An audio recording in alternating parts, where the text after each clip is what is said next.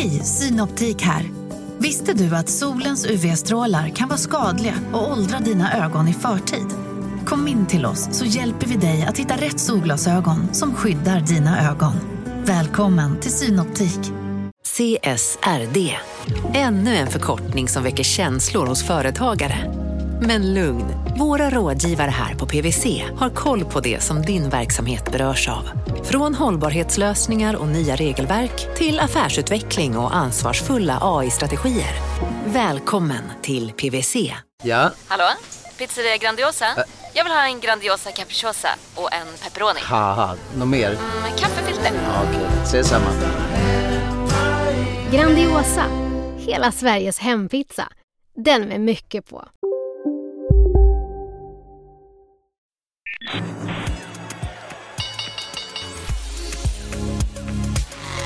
Det här är Affärsvärlden med Helene Rådstein.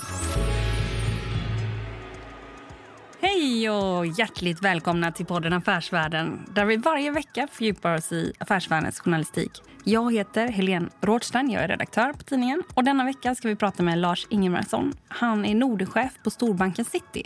Och vi ska bland annat prata om varför svenska bolag säljs till utländska aktörer.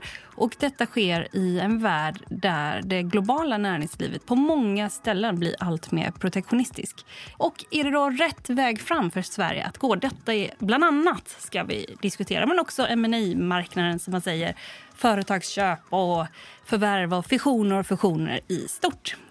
Men med mig först för att prata om det bästa i veckans tidningar, Göran Lind. Du är vår nya redaktionschef på Affärsvärlden. Jag är redaktionschef eh, sedan eh, två veckor tillbaka ungefär efter att eh, Lotta Dinkelspiel eh, lämnade. Ja, och du har det lugnt och skönt?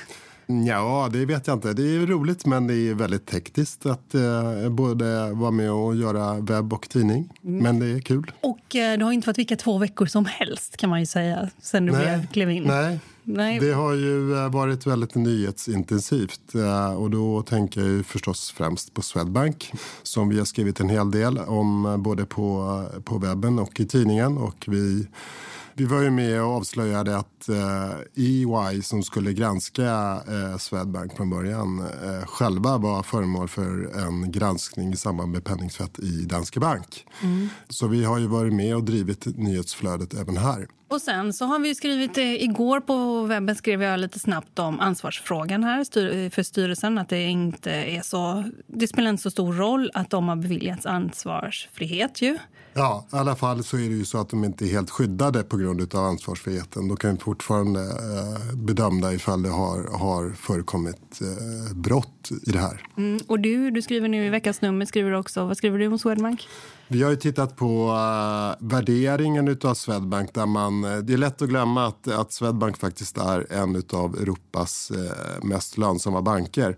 Tittar man på rörelsemarginalen så är det faktiskt så när man tittar på de 40 största noterade bankerna i Europa så låg uh, Swedbank etta 2018.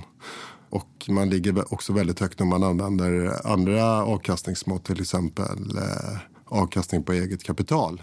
Och tittar man på värderingen av eh, Swedbank så är det fortfarande så att eh, trots eh, att börsvärdet har fallit med 70-80 miljarder sedan toppen så är man fortfarande premiumvärderad i förhållande till andra europeiska banker. Kul take. Och mitt i denna storm också. Ja. Sen har vi också skrivit om eh, en annan sak som kommer nu. Det är också vad som händer på fondmarknaden i Sverige. Ja, eh, och det är ju en, en marknad som är i relativt stark förändring, eh, vilket vi tar upp eh, i det här numret. Det som framförallt kommer att hända är att det kommer att ske eh, en konsolidering av marknaden. Eh, och det finns ju flera orsaker till det. Bland annat är det en ökad konkurrens. Det är allt svårare att få ut fonderna till kunderna på marknaden. Det är också så att kostnaderna för fonderna har ökat. Det är, det är både compliance-kostnader, det är it-kostnader som stiger.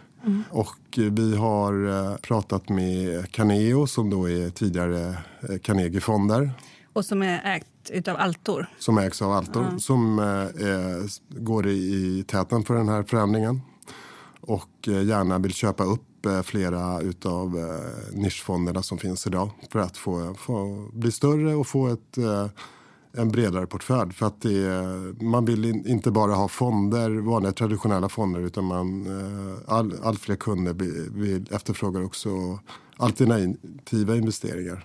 Sen så, eh, det som ytterligare driver den här marknaden är ju att premiepensionssystemet eh, håller på att förändras. Det har redan skett i ett steg när man har dragit eh, ner antal fonder och det pågår en utredning som kommer att presenteras i höst där det kan bli väldigt radikala nedskärningar av antalet valbara fonder och flera av de eh, stora fondbolag som eh, finns idag lever ju väldigt mycket på eh, PPM-pengar och eh, deras marknadsförutsättningar kommer förändras helt och hållet genom den här förändringen av premiepensionssystemet. Men det är väldigt kul. Det verkar ju hända väldigt mycket inom finansbranschen i stort. Alltså att det köps upp. Liksom bolag köps upp och går samman. Vi har ju KKR som köpte en del, tror jag, faktiskt utav Söderberg Partners. Och sen så har vi ju också Commerzbank och eh, Deutsche Bank mm. till exempel som händer mm. just nu. Så det, här, det rör ju på sig väldigt mycket. Mm. Det blir kul att se vad som händer där helt mm. enkelt. I det här uh, numret som kommer ut nu i Affärsvärlden så har vi även en bilaga på uh, temat affärsjuridik. Vad kan man läsa i den? Ja, men det är rekordår för affärsjurister, eh, för de affärsjuridiska byråerna. Det går så liksom, hur bra som helst för dem. De har haft så fruktansvärt mycket att göra. Och det här är fjolårets siffror. Då var det flera avknoppningar och den största var väl kanske då Epiroc som skildes från Atlas Copco. Och, här, och eh, så har vi ju um, Outlive och Veoneer och vi har ju flera sådana mm. stora mm. saker som har hänt. Liksom. Mm. Och det här då går vi igenom och det här har ju också sysselsatt en hel industri. De mm. går mot rekord och sen så händer det ja, ett rekordår förra året och sen så förändras också hela den branschen på olika sätt. Det är väldigt kul att följa och det är också väldigt kul tycker jag när det är ju liksom knegare i liksom, affärslivet. Alltså, de jobbar ju så himla hårt. Det är ju ingen som... Välbetalda knägare. Välbetalda knägare. Men man fattar ju när man intervjuar de här personerna som står bakom flera av dealerna, för nu kommer också årets bolagsjurist. Mm. Och man fattar ju liksom att eh, på riktigt så är det ju så att man har jobbat dygnet runt, kanske i ja, men, fyra månader, ganska lång tid med vissa för att få till vissa deals. Liksom. Så det är ganska spännande för det blir så lite bakom kulisserna. helt mm. enkelt. Men är det inte alltid rekordår i den där branschen? Det känns som det har varit det de senaste fem åren i alla fall. Jo, det går väldigt bra för den branschen. Men eh, sen är det också så där man tittar på dels intäkterna men sen är det också vem är med och gör de ballaste dealarna och då är det om man tittar på Merger Markets lista, det brittiska analyshuset som sammanställer vem som är med och gör vissa transaktioner. Mm. Då, är det ju liksom, då vill man ju hamna högst upp på de som är värda mest. Och då har vi då den nordiska byrån Rocher som hamnar väldigt högt upp på den här Merger Markets lista till exempel. Har de gjort det tidigare också eller är det en, en, har de tagit uh, nya steg på den svenska marknaden?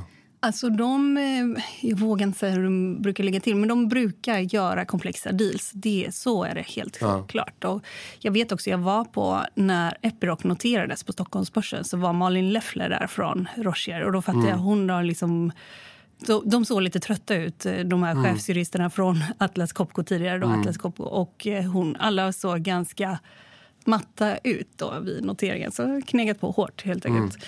Men, och det som är nytt för i år det är att vi inte då säljer all information om de här advokatbyråerna i tidningen utan vi har också gjort en branschrapport. Det låter spännande. Kan du säga någonting mer om vad som eh, man kan läsa i den? Ja, men då går man igenom lite mer så här, hur ser det ut på hur ser lönsamheten ut på de olika byråerna? Hur, vad tjänar man per delägare, per byrå? Det är väldigt intressanta mått i den eh, världen.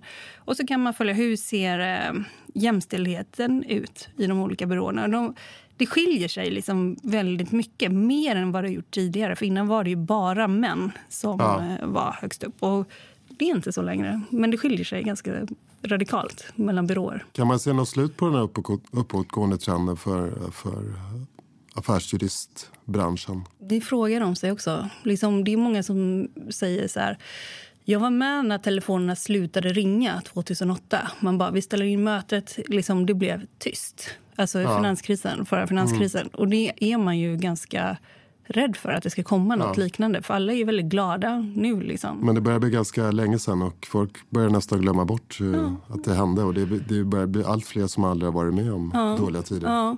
Men de pratar också om hur makropolitiska faktorer påverkar affärslivet. Och de eh, efterfrågar lite grann. Ja, hur, hur ser det här ut egentligen? Vad händer? I det här avsnittet efter du och jag har pratat så har jag också bjudit in Lars Ingemarsson. Han är Nordenchef på Citibank och han kommer att prata nu om ma trender och sådär och vilka är det som köper svenska bolag. Du lyssnar på Affärsvärlden med Helene Rådstein. Marknaden sponsras av SPP, pensionsbolaget. Eh, Förra gången pratade vi lite om ITP. Och som en kort repetition så, så var det ju 70-tal. Arbetsmarknadens parter bestämde att alla tjänstemän ska ha en tjänstepension. Man kom överens om vilka villkor som ska gälla i den här pensionen och så kallade man den för ITP. Så jobbar man idag som tjänsteman i ett företag med kollektivavtal, då har man förmodligen den här pensionen, ITP-pensionen. Eh, och det är ju så att man kan påverka eh, den här pensionen, hur den är placerad. Vart femte år så gör nämligen Collectum, som de heter, en enorm upphandling där olika pensionsbolag kan ansöka om att få förvalta eh, de här pensionerna. Och SPP är ett av bolagen som valdes ut i den senaste upphandlingen. Och sen kan du som pensionssparare välja eh, vilket av de här olika pensionsbolagen som, som då ska få ta hand om dina pengar. Och tanken med den här upphandlingen det är ju att liksom kvalitetssäkra de här olika alternativen eh, men också att förhandla fram stora rabatter så att pensionsspararna ska få ja, kunna spara pengar genom att avgifterna eh, som är så viktiga eh, blir eh, lägre. Och vill man välja någonting i ITP-systemet då finns det en relativt ny sajt som heter avtalat.se. Ehm, där kan man gå in och se hur sin ITP-pension är placerad. Jag gjorde det häromdagen faktiskt. Ehm, idén är att hälften av pengarna alltid ligger i något som kallas för traditionell försäkring. Det här gjorde vi ett avsnitt om i podden Kapitalet nyligen eh, som vi kallade världens bästa sparform. kan man lyssna på om man är intresserad. Eh, den andra halvan eh, den kan man också lägga i en traditionell försäkring eller så kan man placera det i något som kallas för fondförsäkring. Eh, SPP som sagt eh, var ju ett av de fåtal bolagen som valdes ut i den senaste upphandlingen och de finns med som alternativ både med en traditionell försäkring och med eh, fonder. Så det var en liten bakgrund till ITP-systemet. Vill man läsa mer om det här eller typ kolla hur ITP-pensionen är placerad, eh, kanske göra förändringar, då går man in på avtalat.se. Eh, Men tack säger jag till SPP som vill göra oss människor mer medvetna om hur enormt viktig pensionen är för oss som en framtida lön, men också som en positiv kraft i samhället. Eh, Och förstås för att ni möjliggör eh, den här podden Marknaden. Lars Ingmarsson, chef för Citys nordiska investmentbanking-del. Välkommen hit. Tack Helene. Du är ju expert inom M&A kan man säga, alltså köp och försäljning och fusioner och kanske fiktioner också va? av företag. Exakt. Kan du berätta lite om dig själv? Vad har du gjort tidigare? Ja, jag har varit investmentbankir i 25 år. Eh, Jag är baserad i Stockholm. Eh, Jag har tidigare varit baserad i London under drygt 10 år. Eh, Flyttade hem för ungefär 10 år sedan. I samband med Lehman Brothers-kraschen. Ja, lite innan faktiskt. Såg du den komma? Nej, det tror jag inte jag gjorde. Jag tror det är ingen egentligen som... Det är väl många som lockas att tro i efterhand att man, att man såg den komma, men det, det, det, det kan jag inte påstå. Det här avsnittet kanske sänds om några veckor men den här veckan och tidigare vecka så har ni haft ganska mycket att göra på eh, Citys nordiska del, Ja. eller avdelning. Vad säger ni själva? Nordiska investmentbanking-verksamhet. Ja. Och ni har haft flera affärer som ni har hållit på med den senaste månaden kanske man kan säga. Kan du berätta några som ni har varit engagerade i som rådgivare då? Ja, absolut. Vi var rådgivare till um, försäljningen av uh, Q-Park till Sumitomo. Ett japanskt bolag, Ja, ja. ett japanskt bolag. En spännande affär.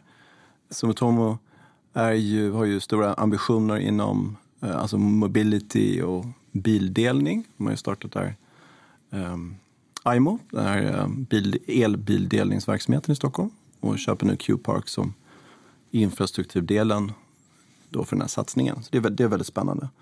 Eh, vi var rådgivare i försäljningen av en stor andel eh, i uh, Söderberg Partners till KKR. Vad gör de egentligen? Ja, det är ju eh, wealth management och uh, pensionsrådgivning kan man väl säga. I i grunden. Och eh, KKR, är det världens eh, största riskkapitalbolag? Ja, det är det ju absolut. Ja. De är i topp fem i alla fall globalt. En intressant affär. Ja, det var det. Ett fantastiskt bevis på vilket eh, fint bolag som eh, P.O. och Gustav har byggt. Bolaget är 15 år gammalt. Men de behåller en liten del själva, eller? Ja, de, de, de, de kommer att behålla kontrollen över bolaget. Eh, Det finns ju A och B-aktier och eh, eh, Gustav och P.O. och kommer att behålla kontrollen över det här. Så det är en, det är en minoritetsandel. Mm. Och fler affärer då som ni har varit inne i? Ja, nej, men även denna veckan vi gjorde en placing i Loomis som gick väldigt bra. 5% av aktiekapitalet häromdagen. Och vi var även rådgivare till um, ett danskt specialkemibolag som heter Hallro Topsö. Uh, sålde 30 av aktierna till Temasek, den Singapore-baserade fonden. Som också gick, som också gick väldigt bra. Um, vi var innan jul uh, rådgivare till William Hill, det brittiska bolaget vid uppköpet av Mr Green. Spelbolag? Ja, spelbolag. Och eh, ja, lite tidigare år, eller förra året så var vi även rådgivare till Tele2 i fusionen med Comhem och eh, försäljning av Trustly.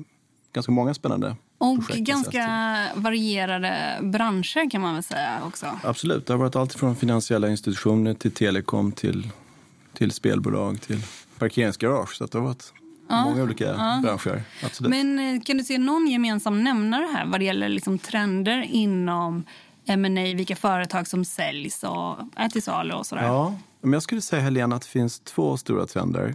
Eh, dels att eh, nordiska bolag, framförallt, kanske framförallt svenska bolag, köps upp i en um, betydligt större utsträckning än att svenska och nordiska bolag köper själva utanför Norden.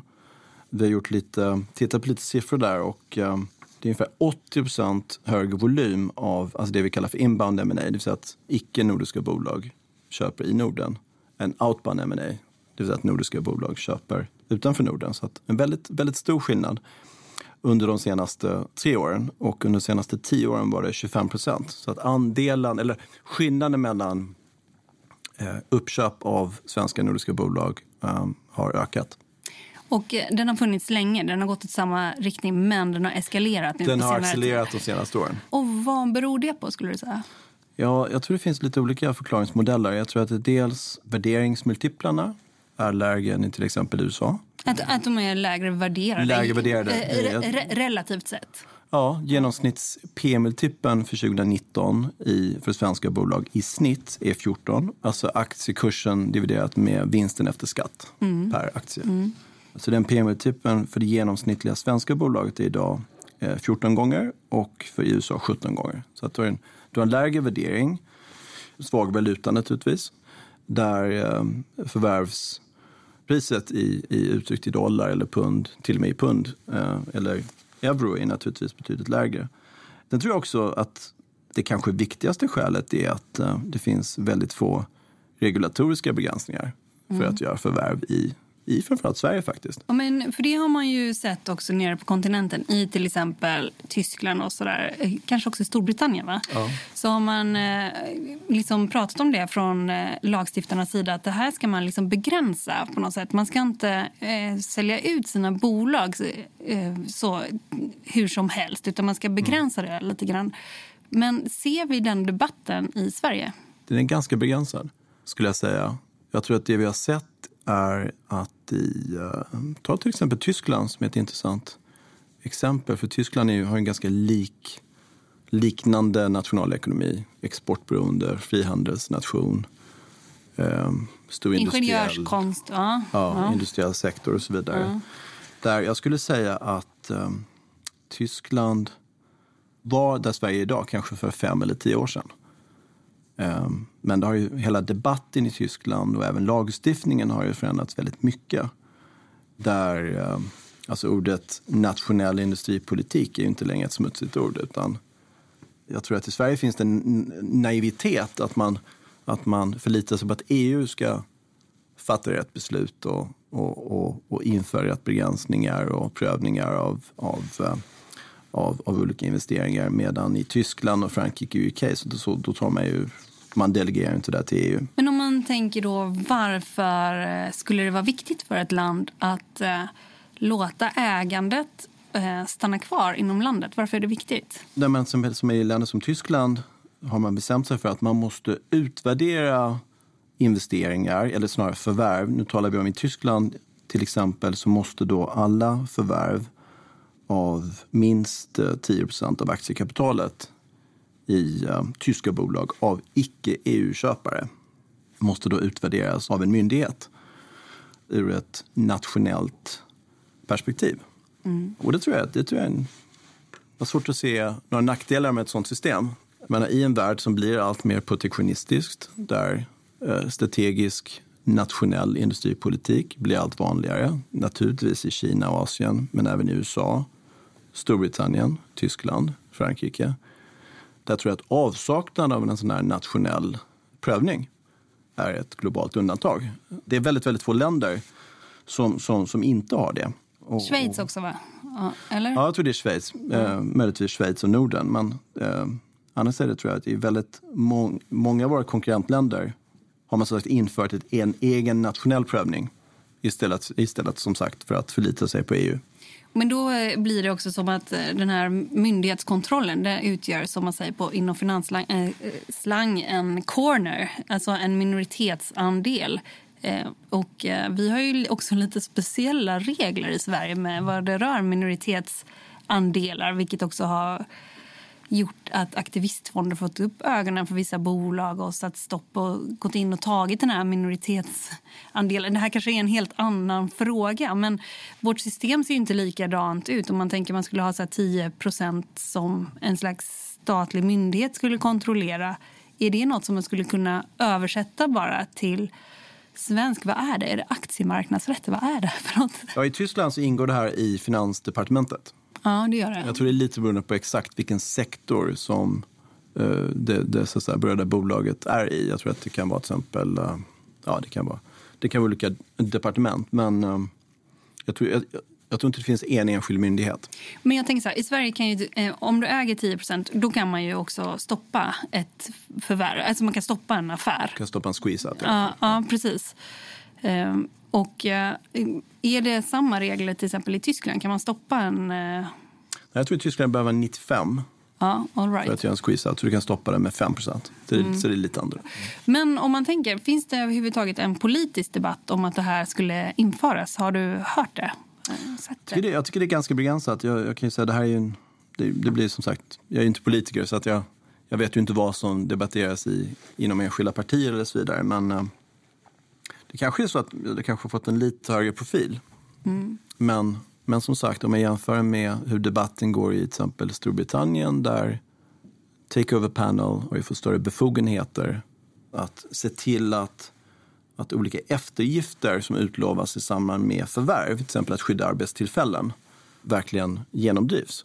Mm. Uh, man ser på vad som hänt där, det som hänt i Tyskland, i Frankrike där man har såna här mandatory filings för alla utländska förvärv. Det som händer i USA med Sufficius och där de har stoppat ett antal naturligtvis förvärv, inte bara amerikanska bolag men även en del europeiska bolag som har verksamhet i USA. För om man tänker så här, frihandel, det ska vara frihandel, men då blir ju frågan här frihandel för vem? Och sen så blir ju en annan fråga också så här, för om jag fattar dig rätt så finns det ett arbitrage som jag förstår dig rätt. Att utländska bolag går in och köper svenska bolag men det händer inte samma sak i samma utsträckning. Liksom att svenska bolag går in och köper utländska bolag. Men om man tänker också att eh, frihandel vore bra att uppnå. Är ökad protektionism eh, en väg framåt ändå? Ska man liksom, bara för att andra tar den vägen, ska man fortsätta eh, Sverige som litet land? Ska vi fortsätta Ska vi också bli mer protektionistiska? Som, ska vårt näringsliv bli så protektionistiskt som de andra större länderna som har mycket större inre marknad till exempel? Som, som svar på din fråga så skulle jag säga nej. Jag tror, jag, jag tror att min personliga uppfattning är att jag inte att Sverige ska bli ett protektionistiskt land. Utan jag tror att frihandel och eh, exporten står för en väldigt stor del av vår BNP. Eh, så det tror jag skulle vara väldigt skadligt. Eh, däremot tror jag att man, man ska kanske fundera på att ha den här typen av prövning. Så att det finns en, en nationell prövning ur ett nationellt strategiskt intresse. För på sikt, då kan det skydda vad, arbetstillfällen till exempel eller, vad, eller att kunskap stannar i landet eller hur? Varför är det viktigt på sikt? Ja, alltså jag tror som, så som debatten utvecklat sig i andra länder i alla fall så är väl kanske utgångspunkten nationell säkerhet men har även utvecklats till att omfatta teknologi och kunskap som är viktigt för att förbli konkurrenskraftiga som land. Så det handlar också om att säkra konkurrenskraften ja. på sikt? Aha. Ja, och att undvika att Sverige blir ett, i allt större utsträckning liksom ett, ett, en dotterbolagsekonomi. Men det kanske vi håller på att bli. Vi, det finns ingenting som eh, visar på att vi går åt motsatt håll nu. Nej, som sagt, 80 eh, högre volym av förvärv eh, än, än att svenska bolag förvärvar utomlands. Så att, siffrorna visar ju på det, absolut.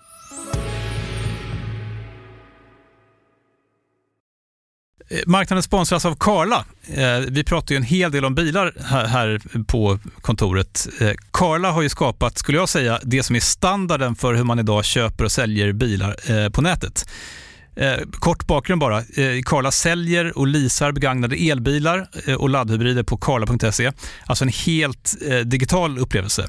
Och man har gjort det här med ett nästan maniskt fokus på vad en bilköpare faktiskt behöver. Jag gjorde ju en intervju med en av grundarna, Patrik Illerstig, i marknaden här eh, ganska nyligen, eh, daterad 25 mars, om man vill lyssna på den. Eh, men där berättar han hur de kom in i det här lite från vänster för att försöka uppfinna hela den här liksom bilköpupplevelsen från början. Och de har idag, vilket är rätt otroligt, 4,8 i betyg eh, på Trustpilot. Jag, jag har sett många företagssidor på Trustpilot, men det här är nog bland eh, det bästa jag någonsin sett eh, faktiskt. Man kan sälja bilen till Karla också. Eh, då går man in på karla.se, delar lite info om bilen, sen får man en gratis värdering och ett bud. De hämtar bilen helt gratis i hela Sverige och så har man pengarna på kontot i samma stund som de hämtar bilen. Det är grymt. Eh, så ska du köpa en ny bil eller sälja din gamla, eller båda delar för den delen, gå in på karla.se och eh, kolla. Alltså karla.se och Karla stavas med C. Tack så mycket till Karla.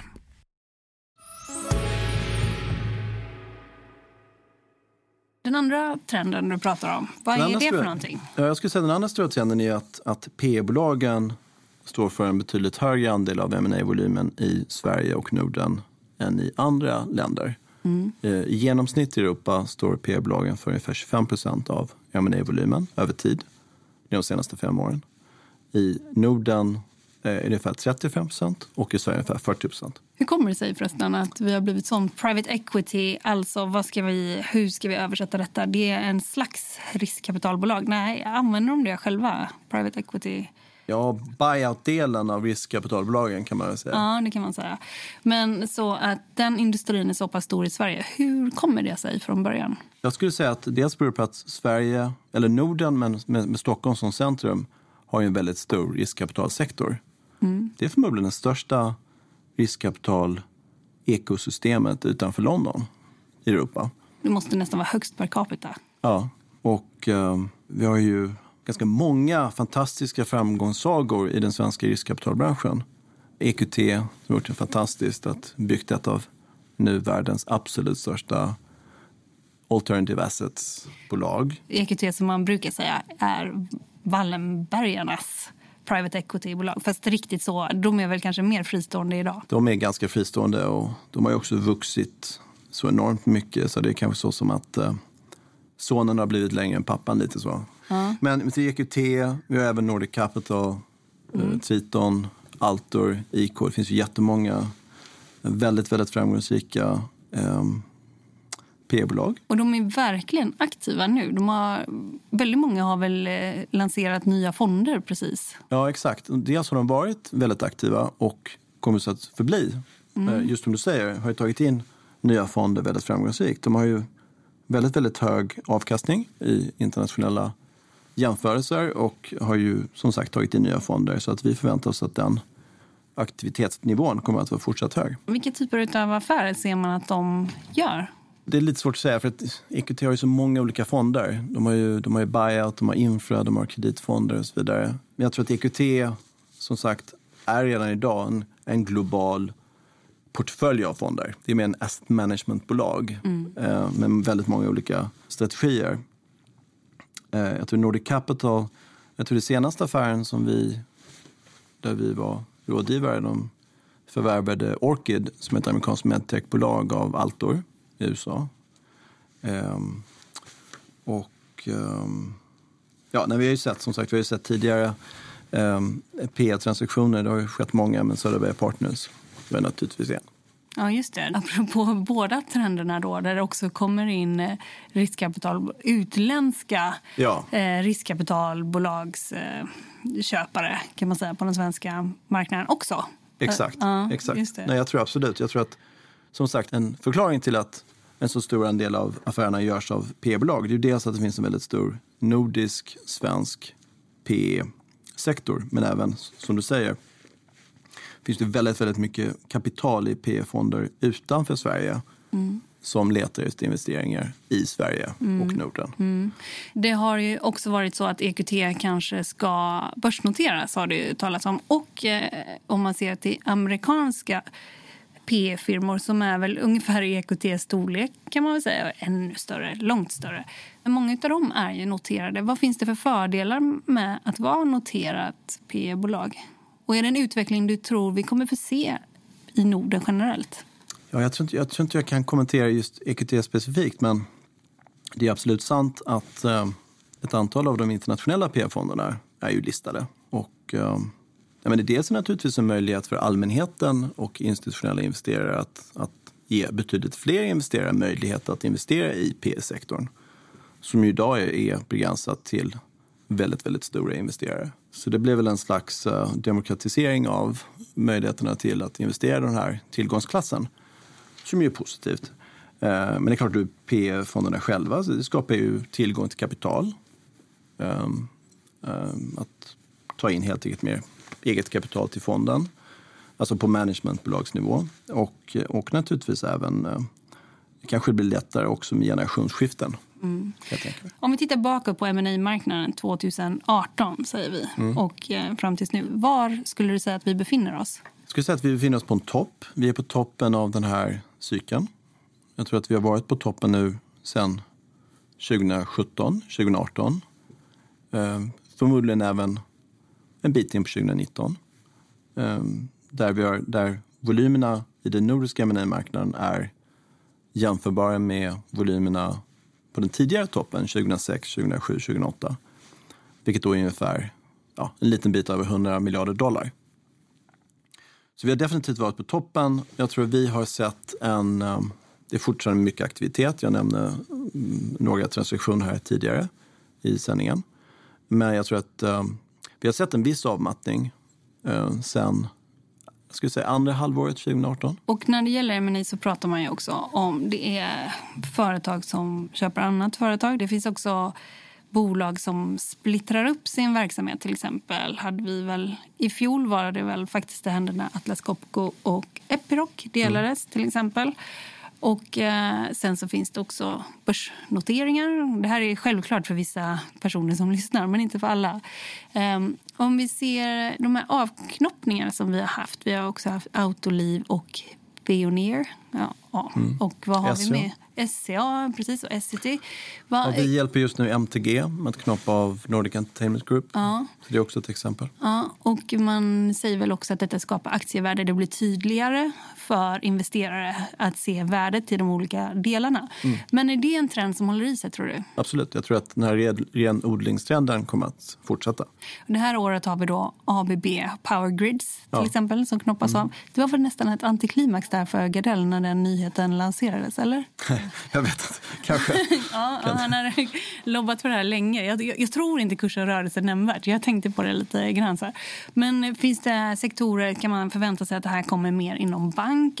Finns det någonting vi kan se det här någon annan sektor där man kan se avknoppningar komma? Jag kan inte säga att det finns någon speciell sektor. Jag är inte säker på att det är sektorspecifikt. jag tror snarare det handlar om att när det finns diversifierade bolag, konglomerat mm. i sig, där det finns en logik i att knoppa av en väsensskild verksamhet som mår bättre av att ha sina egna aktieägare, sin egen kapitalstruktur, sin egen utdelningspolitik. Så jag tror det snarare, snarare handlar om det, själva fördelen av att vara fokuserad. Och vad gäller då, om vi tittar på ma marknaden börsintroduktioner, vad, hur ser det ut där? Vi får väl se helt enkelt. Jag tror att eh, aktiemarknaden var ju, hade ju, upplevde en korrektion under Q4 men har ju nu kommit tillbaks. Korrektion det betyder att det mattades av med börsintroduktion? Ja, marknaden gick ner ganska betydligt under Q4 2018. Men eh, nej, jag tror att eh, IPO-marknaden eller marknaden för börsnoteringar har varit lite avvaktande under början av detta året, vilket är ganska normalt. Q1 brukar inte vara så jätteaktivt utan vi har, en, vi har en väldigt, väldigt bra pipeline i Europa och även i Norden vad gäller IPOs under, under detta året. Och jag tror att så länge aktiemarknaden blir, håller i sig och inget dramatiskt negativt inträffar, till exempel med Brexit eller handelskonflikter och så vidare, så, så förväntar vi oss att IPO-marknaden eh, nu är ganska konstruktiv mm. under detta året. Apropå Brexit, du jobbar ju på en global bank. Hur stor är banken ungefär? Hur många jobbar? Vi har en marknadsvärde på ett par hundra miljarder dollar. Jag tror har 200 000 anställda ungefär. Mm, 200 000 anställda. Mm. Men hur eh, går snacket om Brexit hos er?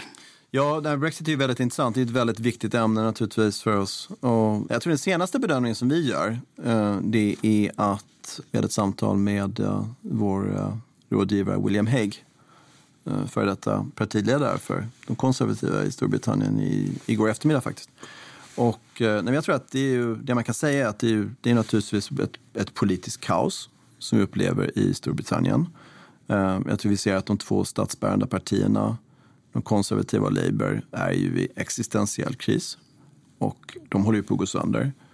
Och um, det är ju inbördeskrig med, som inom Tories och inbördeskrig inom Labour. Hur känns det för dig som gammal Londonbo att uh, den här utvecklingen med Brexit och så här?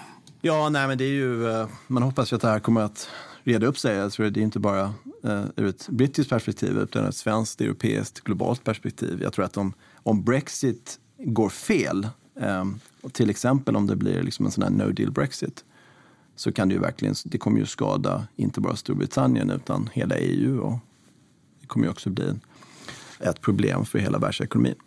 Vi talar lite om protektionism och så här. Det här går ju lite åt samma trend kan man säga. Politisk eh, mm. protektionism också ju. Och det har vi ju också sett i stora länder, i Kina och USA. Och vi har också sett eh, makrofaktorer eh, jag vet inte om man får säga till handelskrig eller om eh, det är hot om handelskrig. Mm. Men i alla fall eh, en, absolut, en retorik som verkligen har varit ganska tuff. Vilka mm. makrofaktorer skulle du säga är centrala för hur den globala M&A marknaden eller kanske om du bara kan då i Norden, hur den eh, står sig och utvecklar sig? Du menar som, som ledande indikatorer? För ja, exakt, exakt. Jag skulle säga att det viktigaste är aktiemarknaden är viktig. Jag tror det vi kallar för CEO sentiment, alltså hur beslutsfattare, hur optimistiska de, eller pessimistiska de känner sig inför framtiden är väldigt, väldigt viktig. Och naturligtvis också bolagens vinster. Det är naturligtvis mycket lättare att fatta offensiva beslut om den egna verksamheten går bra. Så att, eh, det är väl de tre som jag skulle säga är de kanske viktigaste. I Sverige har vi också haft parlamentariskt kaos. Har det fått någon som helst effekt på affärerna? Nej, jag skulle inte säga att det har varit en viktig, kanske en viktig faktor, utan snarare tror jag eh, det kanske det är inom mer ska säga, domestika sektorer, som kanske som sjukvård och liknande, men, men eh, säga, på den, inte som för den hela marknaden skulle jag säga. Lars Ingmarsson, tack så mycket för att du kom hit. Tack Helene. Du har lyssnat på en podd från Affärsvärlden. Jag heter Helene Rothstein. Mer fördjupande journalistik om näringslivet finns både på nätet och i Sveriges äldsta och faktiskt bästa affärsmagasin. Du hittar oss enklast på affärsvärlden.se och podden den är tillbaka om en vecka. Håll ut, hej då! Thank you.